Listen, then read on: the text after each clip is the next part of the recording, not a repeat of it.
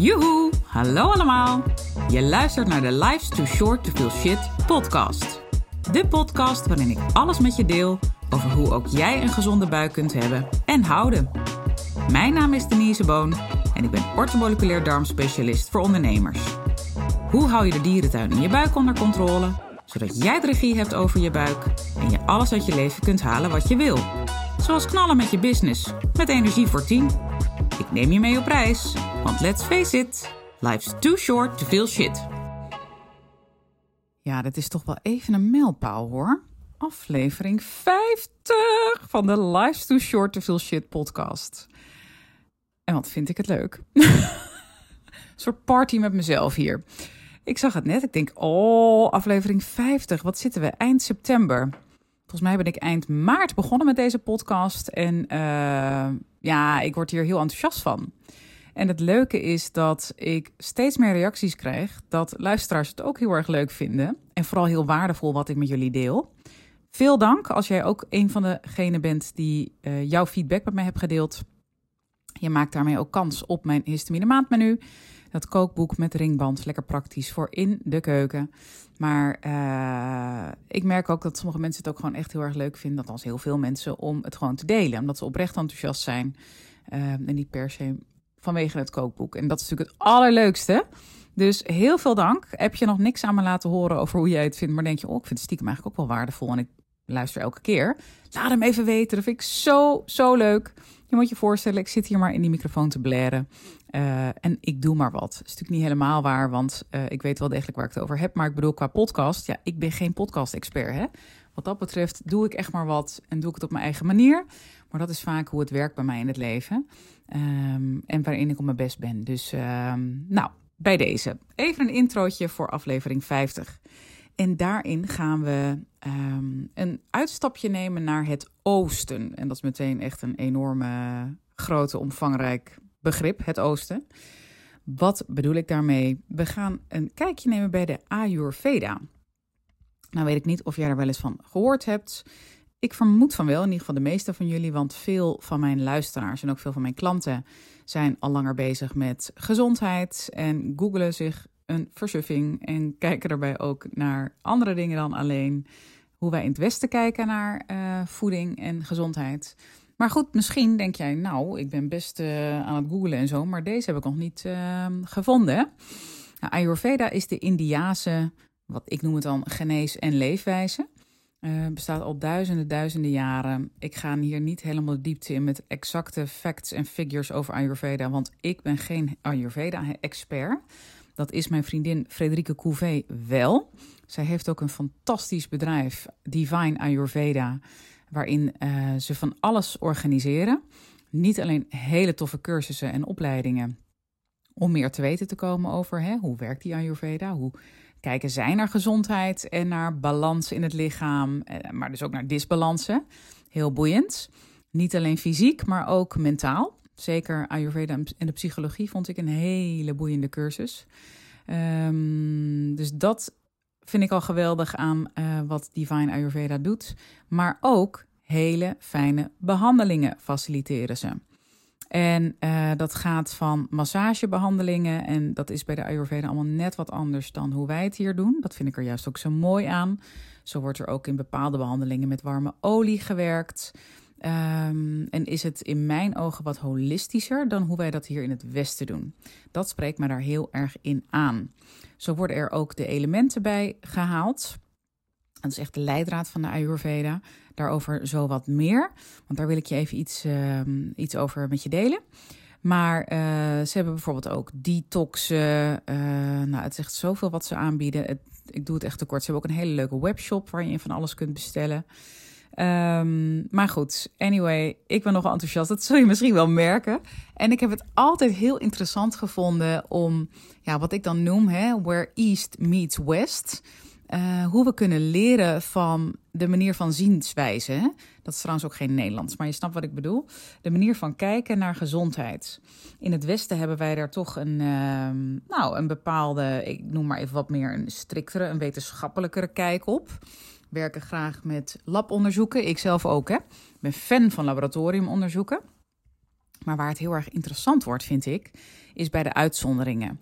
Als bepaalde, bijvoorbeeld bepaalde voedingsmiddelen niet uit labonderzoeken naar voren komen, dat iemand daar bijvoorbeeld een gevoeligheid voor heeft, maar iemand toch in de praktijk zegt: hmm, ik blijf toch maar reageren op die tomaat. Nou, dan denk ik al gauw aan histamine. Want als je bijvoorbeeld een histamine-intolerantie hebt, dan kun je ook reageren op tomaten. Dus een histaminerijk voedingsmiddel. Maar ik moet nu denken aan een klant die ik vorige week sprak. Een hele leuke klant. En bij haar uh, was de histamine niet verhoogd. De, uh, er zat geen voedsel of zit geen voedselintolerantie op tomaat. Dus specifiek gaat het nu even om haar. Maar ik hoor dit vaker.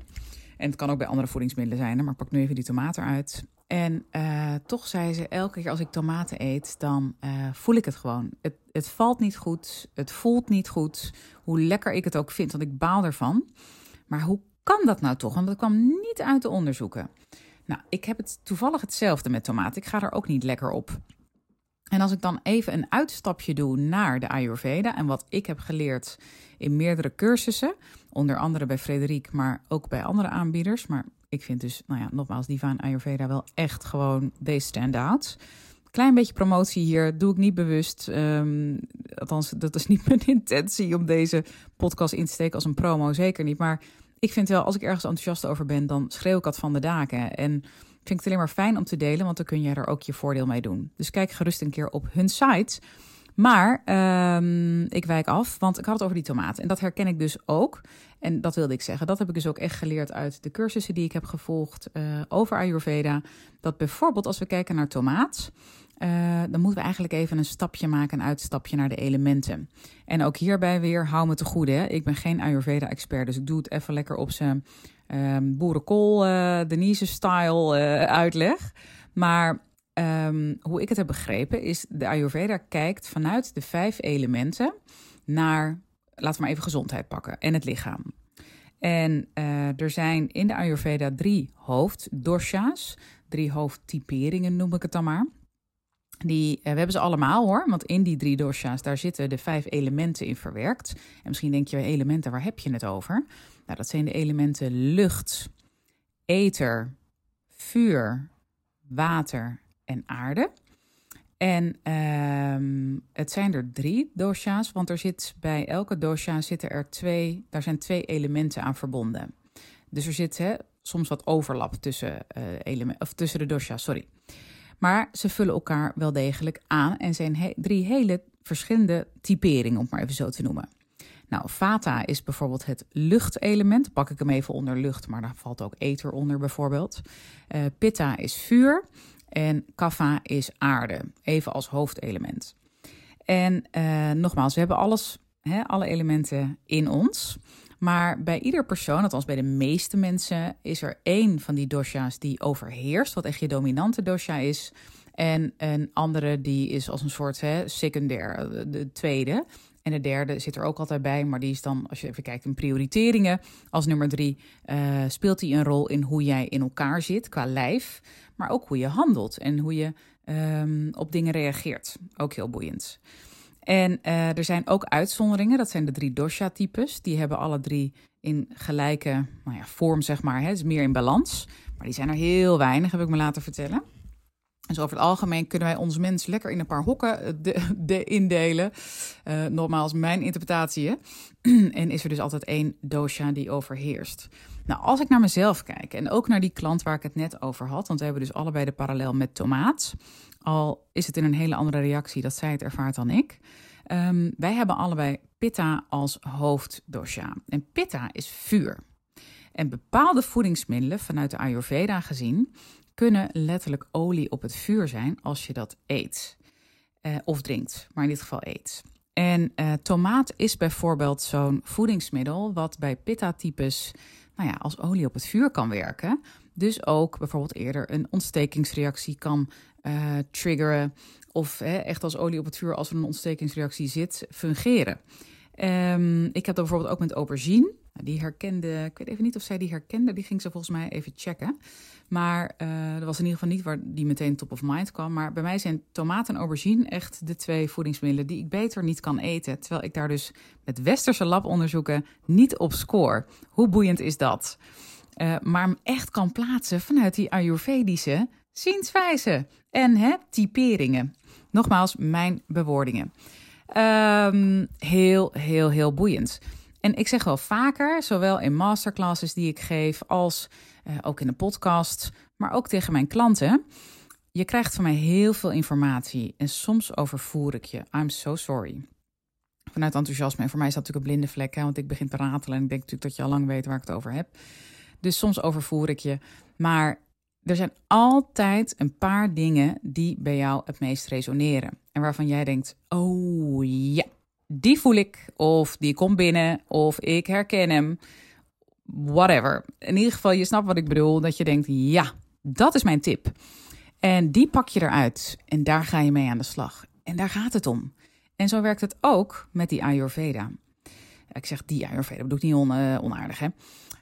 Um, want alles wat je daarin leert, nou, misschien denk je bij de helft wel van, nou, geen idee hoor. Hmm, wat moet ik ervan vinden?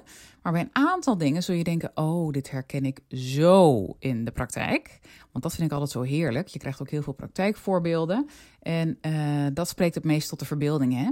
Want we kunnen allemaal gorddroge theorie op, uh, oplezen. Of, nou ja, oplezen doen we niet aan, maar je snapt wat ik bedoel, oplepelen. Maar het gaat om dat het resoneert bij je en dat je denkt: ja, dit herken ik. En dan gaat het vaak pas leven. Maar dat zijn precies de momenten dat jij weet welke dingen die je dan tot je neemt voor jou op dat moment bestemd zijn om mee aan de slag te gaan. En daar gaat het om. Het gaat om wat bij jou past op dit moment. En dat kan heel anders zijn dan drie jaar geleden, of heel anders zijn dan over drie jaar. Geldt ook voor als ik toch weer even een uitstapje maak naar het westen, die labonderzoeken waar ik mee werk.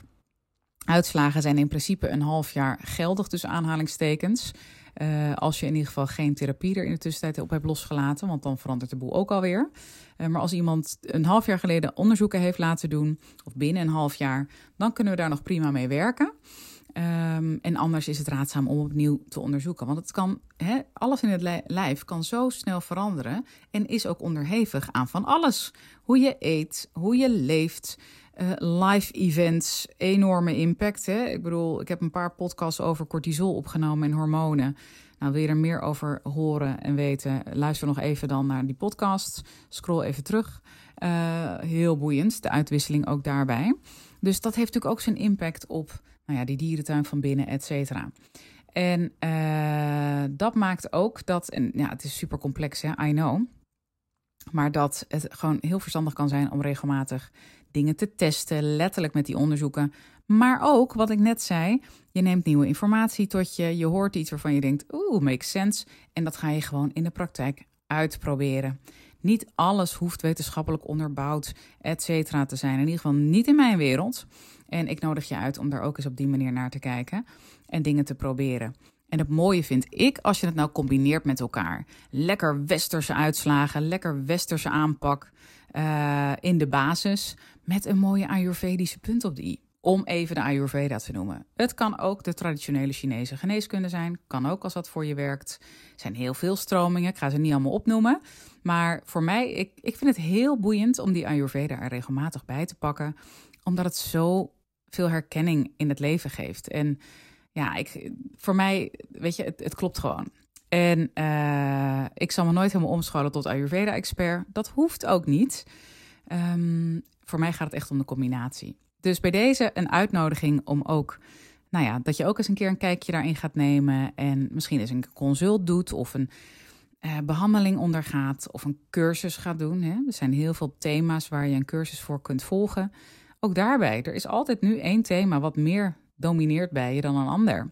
En dat is ook alleen maar mooi, hè? anders wordt het saai. En ik weet niet hoe het met jou zit, maar I don't do saai, darling. No, no, no. Nou, we zitten nu bijna op de 15 minuten. Ik zat nog te denken, kan ik nog iets anders leuks vertellen over uh, Ayurveda? Maar ik denk dat ik het hierbij ga laten. Nou, stiekem toch nog één uh, afsluiter. En dat is dat ik afgelopen zaterdag was ik te gast bij uh, Frederik in haar bedrijf. Ze hadden een hele mooie diploma-uitreiking en ik mocht daarbij zijn. Dat is voor de, uh, ze heeft meerdere jaaropleidingen die zij faciliteert, ook al zo mooi. En dat wilde ze op een nieuwe manier uh, de diploma's uitreiken. Um, nou, het was een hele bijzondere avond. En wat ik zo mooi vond, is zij heeft echt voor alle vijfde elementen had zij een, uh, nou, letterlijk een ervaring geregeld. Dus dat was bij de ene was dat muziek, wat je echt, nou ja, tot in je ziel raakte. In ieder geval mij wel. Ik zat lekker te janken. Heerlijk, heel helend ook. En de andere keer was het een hele mooie dans van een jongen die zo echt op gevoel. Nou, dan hebben we het echt even over een stukje gut feeling. Mijn goede. Oh, die deed zo'n mooie dans. Dat heeft ook mensen echt tot tranen geroerd. Nou, het was heel bijzonder. En uh, dat vind ik ook zo leuk, hè? Uh, om zulke soort dingen in de praktijk te brengen en er je eigen twist aan te geven. Nou, dat kan zij als geen ander. Um, maar goed, einde promopraat nu. Maar ja, het heeft me weer geraakt. En dat was ook voor mij de inspiratie om nu deze podcast, nummer 50, ik kan het niet vaak genoeg zeggen, hoe leuk, op te nemen over de Ayurveda. En, nou ja, even een link met je gezondheid. Ik hoop dat het waardevol voor je was. Laat het me weten. Hij is weer snackable gebleven. Um, en ik ga denk ik meteen door met de volgende. Nou, tot de volgende dan, hè. Dag! Toppers, bedankt voor het luisteren. Leuk dat je er weer was. Smaakt dit naar meer? Abonneer je dan even op mijn podcast. Zo zorg je ervoor dat je geen enkele updates mist en dat jij volledig up-to-date bent over hoe jij je buik gezond houdt with fun and ease. En als mijn afleveringen waardevol voor je zijn, laat hem dan even weten. Vind ik leuk. Je maakt me het meest blij met een korte review via iTunes of Spotify. Alleen het aantal sterren aangeven dat jij de podcast waard vindt is voldoende. Je kunt me ook taggen via Instagram. Bijvoorbeeld door een screenshot te maken van de aflevering en die via je verhalen te delen. Met beide dingen, zowel de rating als de screenshot van de aflevering, maak jij kans op een histamine maandmenu kookboek te waarde van 97 euro. De winnaar maken we bekend in de eerste podcast van de maand. Tot de volgende keer!